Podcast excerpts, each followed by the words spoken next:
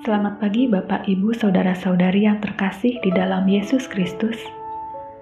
Marilah kita mengawali pagi ini Jumat 18 Maret 2022 dengan mendengarkan dan menghayati renungan dari Amsal pasal 12. Sebelum kita masuk dalam firman Tuhan, mari kita memohon pertolongan Roh Kudus agar memampukan kita untuk memahami apa yang Tuhan ingin sampaikan kepada kita hari ini. Kita bersatu di dalam doa. Tuhan Allah yang bertahta di dalam kerajaan surga, terima kasih untuk hari ini atas kesempatan bagi kami mendengarkan sabdamu. Berilah kami pengertian dan hikmat ya Tuhan, agar kami memahami firman-Mu pada hari ini. Berikan kami hati yang mau taat dan tunduk pada firman-Mu. Kami alaskan doa ini hanya di dalam satu nama, Yesus Kristus, Tuhan dan Juru Selamat kami yang hidup. Amin. Mari kita buka Amsal pasal 12. Saya akan bacakan ayatnya yang pertama, yang ketiga, dan ke-28. Amsal 12 ayat 1 Siapa mencintai didikan, mencintai pengetahuan. Tetapi siapa membenci teguran adalah dungu. Orang tidak akan tetap tegak karena kefasikan, tetapi akar orang benar tidak akan goncang. Di jalan kebenaran terdapat hidup, tetapi jalan kemurtatan menuju maut. Bapak Ibu Saudara-saudari di antara kita mungkin ada yang masih ingat salah satu lagu yang sering dinyanyikan di sekolah minggu. Liriknya seperti ini. Di dalam dunia ada dua jalan, lebar dan sempit, mana kau pilih?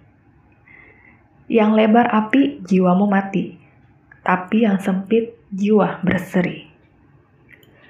Seperti pada lirik lagu sekolah minggu tersebut, di Amsal 12 yang baru saja kita baca juga menggambarkan perbandingan yang begitu kontras. Amsal 10 sampai dengan Amsal 15 merupakan amsal-amsal yang membandingkan orang benar dengan orang fasik, termasuk Amsal 12. Mulai dari ayatnya pertama sampai terakhir, berisi perbandingan antara hidup orang benar dan orang fasik beserta konsekuensi atas jalan hidup yang mereka pilih. Orang benar diperkenan Tuhan, dan di jalan yang mereka pilih terdapat kehidupan. Seperti di dalam lirik lagu sekolah minggu tadi, jalan orang benar membuat jiwa berseri. Sebaliknya, orang fasik akan dijatuhkan dan dihukum Tuhan Jalan orang fasik disebutkan sebagai jalan kemurtatan di ayat 28 yang pada akhirnya menuju maut. Dan dalam lirik lagu yang disebutkan bahwa jalan orang fasik membuat jiwa mati. Sungguh kontras bukan? Jalan yang satu menuju kehidupan kekal, sedangkan jalan yang satunya lagi menuju pada kematian kekal.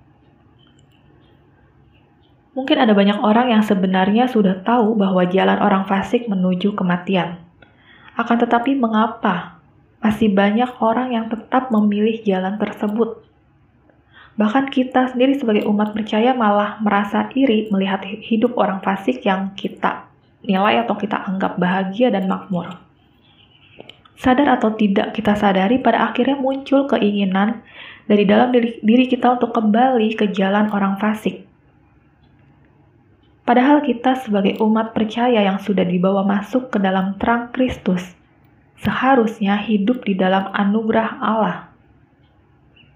Hidup di dalam anugerah Allah berarti hidup sesuai dengan kehendak Allah, yaitu hidup yang saling mengasihi, mengucapkan perkataan yang membawa kebaikan, mau mendengarkan nasihat, mengatakan kebenaran, menyatakan keadilan, bukan malah bersaksi dusta dan melakukan tipu daya untuk memperdaya orang lain. Orang yang hidup dalam anugerah Allah adalah orang yang rajin, bukan orang yang malas. Dan ia juga orang yang rendah hati, mau mendengarkan nasihat, bukan orang yang sombong, yang membenci teguran, yang menganggap bahwa jalannya lurus dan malah menyerukan kebodohannya. Di dalam Amsal 12 ayat 3 juga disebutkan bahwa orang tidak akan tetap tegak karena kefasikan. Tetapi akar orang benar tidak akan goncang. Karena itu ingatlah bahwa kita tidak perlu merasa iri atau bahkan ingin menjadi seperti orang fasik.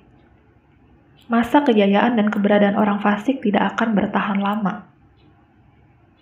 Jika melakukan usaha, orang benar akan berhasil, walaupun mungkin harus membutuhkan waktu yang lama. Sedangkan orang fasik yang nampaknya berhasil mencapai kesuksesan dalam waktu yang singkat, namun masa kejayaannya itu pun tidak akan langgeng. Seperti yang digambarkan di dalam Mazmur pasal 1, orang benar digambarkan seperti pohon yang ditanam di tepi aliran air dan yang akan berbuah pada musimnya. Artinya adalah usaha orang benar akan dibuat berhasil oleh Tuhan. Sedangkan orang fasik digambarkan seperti sekam yang ditiupkan angin. Artinya kesuksesan mereka tidak akan bertahan lama. Dengan demikian, mari saya mau mengajak kita semua untuk saat ini tanyakan kepada diri kita masing-masing. Masihkah saya tertarik menjalani hidup seperti orang fasik yang pada akhirnya menuju pada kebinasaan? Kiranya Tuhan Yesus menolong dan memberkati kita semua. Amin.